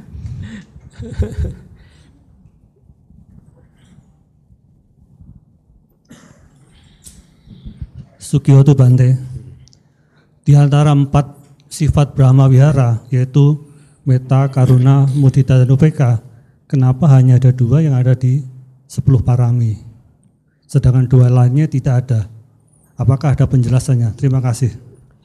Dari empat Brahma Wihara, Meta, Karuna, Mudita, dan UPK, kenapa hanya ada dua yaitu Meta dan UPK saja yang dimasukkan dalam 10 parami? Kenapa Karuna dan Mudita tidak disebutkan? Satu, eh, tidak ada penjelasannya, tapi kita coba analisa. Meta dan Karuna itu sesungguhnya dua sisi dari satu mata koin. Ya, sama. Perbedaannya tipis. Artinya apa? Kalau kita mendapatkan satu, yang satunya kita dapatkan juga sebenarnya. Hanya memang latihan untuk mengembangkannya fokusnya berbeda. Ya, eh, kalau karuna itu lebih difokuskan sebagai praktek latihan dari Mahayana kan, compassion kan, kewelasasihan. Kalau di Buddhis lebih memfokuskan pada metanya. Sebenarnya ini dua sisi dari mata koin saja, eh, dari koin gitu, mata uang. Meta adalah perilaku batin yang mengharapkan semua makhluk berbahagia. Ya. Karuna adalah perilaku batin yang mengharapkan semua makhluk bebas dari penderitaan. Sebagai kualitas batin perbedaannya sangat tipis, tapi objeknya bisa berbeda sangat frontal, sangat berbeda. Kalau meta itu objeknya adalah eh, seseorang yang sedang berbahagia. Ya kebahagiaan dari orang lain itu menjadi objek dari pikiran kita, dari perhatian kita. Kalau karuna, objeknya adalah seseorang yang sedang menderita. Ya, misalkan eh, seseorang yang sedang disiksa atau mengalami kesulitan, itu adalah objek karuna yang baik. Untuk di dalam kitab komentar disebutkan karuna itu adalah sesuatu yang membuat hati kita itu bergetar. Ha, kalau kita melihat sesuatu kemudian hati kita bergetar, kasihan ya. Nah itu karuna. Dan kemudian kita ingin menolong dia supaya bisa keluar dari penderitaan. Ya tetapi sama dengan jawaban saya terhadap pertanyaan yang pertama tadi, meta hanya mencintai, tidak mengharapkan hasilnya orang itu berbalik mencintai kita, tidak. Karuna juga begitu. Karuna itu hanyalah mengasihi, cinta kasih untuk membantu supaya eh, makhluk-makhluk tertentu itu keluar dari kesulitan dan penderitaan tetapi tidak ada hubungannya dengan bahwa makhluk itu harus bisa keluar dari penderitaan. Tidak ada. Tidak ada kemelekatan di sana. Kita hanya membantu. Kalau dia bisa keluar dari kesulitannya bagus. Kalau dia tidak bisa keluar juga nggak apa-apa tapi kita sudah berjuang keras untuk membantu tidak ada kesedihan ya jadi kesedihan ini musuh dari karuna ya. Nah, kalau musuh dari uh, meta adalah uh, ya pelekatan cinta kasih yang dua tadi. Nah, kembali lagi karena dia adalah dua sisi dari mata koin mata uang yang sama, makanya mungkin ini analisa kita karena di kitab sepertinya tidak ada penjelasan. Jadi karuna tidak disebutkan. Sekarang mudita. Mudita itu kan appreciative joy. Ya kita analisa coba. Kita kita bersuka cita pada mengapresiasi uh, siapa pun yang berprestasi atau siapa pun yang sedang berbahagia kita apresiasi. Atau siapa pun yang sedang melakukan perbuatan baik itu kita apresiasi. Kenapa tidak dicantumkan seperti yang tadi saya katakan tidak ada di kitab tetapi di kitab itu tentang parami ada dikatakan begini. Pada saat pertapa Sumeda, jadi cerita Parami ini kan selalu berawal dari pertapa Sumeda yang pada hari itu bertemu dengan Buddha di Pangkara yang seharusnya dia kalau mau hari itu dia bisa menjadi arahat hari itu juga tetapi kemudian dia bertekad tidak mau jadi arahat dia tunda tingkat kesucian arahat tanya karena dia ingin menjadi Buddha seperti Buddha di Pangkara Ya tekad dia kan begitu. Saya tidak ingin tercerahkan sendiri sebagaimana saya yang bisa tercerahkan. Saya juga ingin bisa membantu makhluk lain mencapai pencerahan. Saya tidak ingin menyeberang sendirian seperti halnya saya yang bisa menyeberang. Saya ingin juga membantu makhluk lain supaya bisa menyeberang. Nah, keinginan-keinginan harapan-harapan seperti ini hanya bisa tercapai kalau beliau menjadi seorang Buddha. Kalau menjadi seorang arahat ya tidak ya yang yang membantu ya Buddha di Pangkara, damaknya Buddha di Pangkara kan, ya. Nah singkat cerita, sejak bertekad untuk menjadi Buddha sama sang Buddha, pada hari itu setelah mempersembahkan bunga dari perempuan yang bernama Sumita, kalau Anda ya, ini saya break sebentar, pause sebentar. Kalau Anda mempunyai bukunya, cobalah baca sejarah perjalanan pertapa Sumeda dan perempuan yang bernama Sumita dia itu senang di banyak kehidupan menjadi suami istri sampai terakhir kali Pertapa Sumeda jadi pangeran Siddhartha, perempuan Sumita jadi ya saudara. Itu cerita itu sangat kalau dibikin film itu bisa nangis Bombay ada. Enggak, saya saya terinspirasi dengan kisah percintaan keduanya itu sangat bagus sekali gitu ya. Saya lama dulu udah bertahun-tahun membaca ini gitu. Ada di kitab-kitab. Percinta kisahnya itu sangat mulia. Kata-kata yang selalu menyentuh hati saya kan pada saat Pangeran Siddhartha menjadi sama Sang Buddha, kemudian pertama kali pulang ke kerajaan dari hutan ke kerajaan kan beliau berpesan kepada para biku muridnya nanti kalau sampai di rumah kalau ya saudara menangis dan memegangi saya diamkan saja kira-kira seperti itu kan ya. Kemudian apa yang dikatakan pada saat benar terjadi ya saudara menangis dan ini ke sama Sang Buddha, sama Sang Buddha mengingatkan. Apakah kamu lupa pada saat uh, ya, dulu waktu menjadi sumita, dia ingin mempersembahkan delapan tangkai bunga kepada Buddha di Pangkara dan kemudian dia membagi lima bunga lima tangkainya kepada Pertapa Sumeda pada saat itu bukankah kamu bertekad bahwa kamu ingin mendampingi saya di perjalanan di dalam samsara ini hingga saya menjadi seorang sama Sang Buddha. Bukankah itu tekad yang kamu ucapkan pada saat memberikan bunga itu? Langsung merinding lah. Ya, ya cerita ini bagus sekali. Ya, diingatkan oleh sama Sang Buddha, bukankah itu tekad kamu mendampingi saya untuk menjadi sama Sang Buddha? Sekarang saya sudah jadi sama Sang Buddha. Gitu, kira-kira begitu. Ya ini ini breaknya begitu, iklannya begitu iklannya. Sekarang kembali ke laptop. Jadi yang ada begitu, setelah bertekad untuk menjadi sama Sang Buddha, kemudian Pertapa Sumeda merenung kehidupan-kehidupan yang lampau, para Buddha ini mempraktekkan apa saja supaya pada saat menjadi bodhisatta sebelum mencapai Buddha dan kemudian ditemukan bahwa yang dipraktekkan yaitu tadi uh, dana, sila, nekama, panya, wirya, kanti dan seterusnya 10 parami ini. Ya teksnya hanya ada seperti itu. Jadi mudita kenapa tidak dicantumkan ya karena itu bukan merupakan apa bodi sambara, perlengkapan untuk menjadi bodi Buddha. Bukan termasuk bodi sambara gitu. Ya. Baik, bagus bagus bagus. Berikutnya ada lagi pertanyaan? Mungkin yang terakhir uh, pertanyaan yang terakhir karena keterbatasan waktu. Sukihontu Bante. uh, menyambung yang Bante tadi cerita uh, ya saudara uh, dulu juga uh, sudah bertekad menemani Buddha. Apakah uh, saya pernah dengar satu uh, ceramah pada saat uh, Bodhisatta sebelum menjadi Buddha uh, dia melawan marah, artinya dia ya pada saat itu dia uh, kasih tahu kalau parami saya adalah sebagai bukti dan saya pernah melakukan persembahan yang paling besar yang belum pernah semua makhluk lakukan yaitu mempersembahkan istri dan anaknya. Apakah itu uh, juga ya saudara? dalam arti ini atau satu eh, ya ya itu aja Bante sorry. Bentar, itu Wesantara ya, Wesantara Jataka ya. Waktu itu dia uh, Bodhisatta menjadi Wesantara ya. Seharusnya iya, saya nggak tahu persis harus saya cek. Seharusnya iya, karena banyak di banyak kehidupan itu sangat menonjol uh, hubungan uh, pertemuan antara laki-laki ini apa Pertaba Sumeda dan Sumita itu. Seharusnya iya, saya saya saya harus ini, saya harus cek lagi gitu. Ya, jadi itulah paraminya bodhisatta. Suami, eh sorry, istri dan anak pun diberikan. Difungsen kalau kata-kata sekarang ya. Enggak lah. Enggak, itu karena memang parami, menyempurnakan dana paraminya kan. Mungkin iya, saya enggak ingat persis. Tapi sepertinya iya, Wesantara itu iya. Hmm, Baik ya.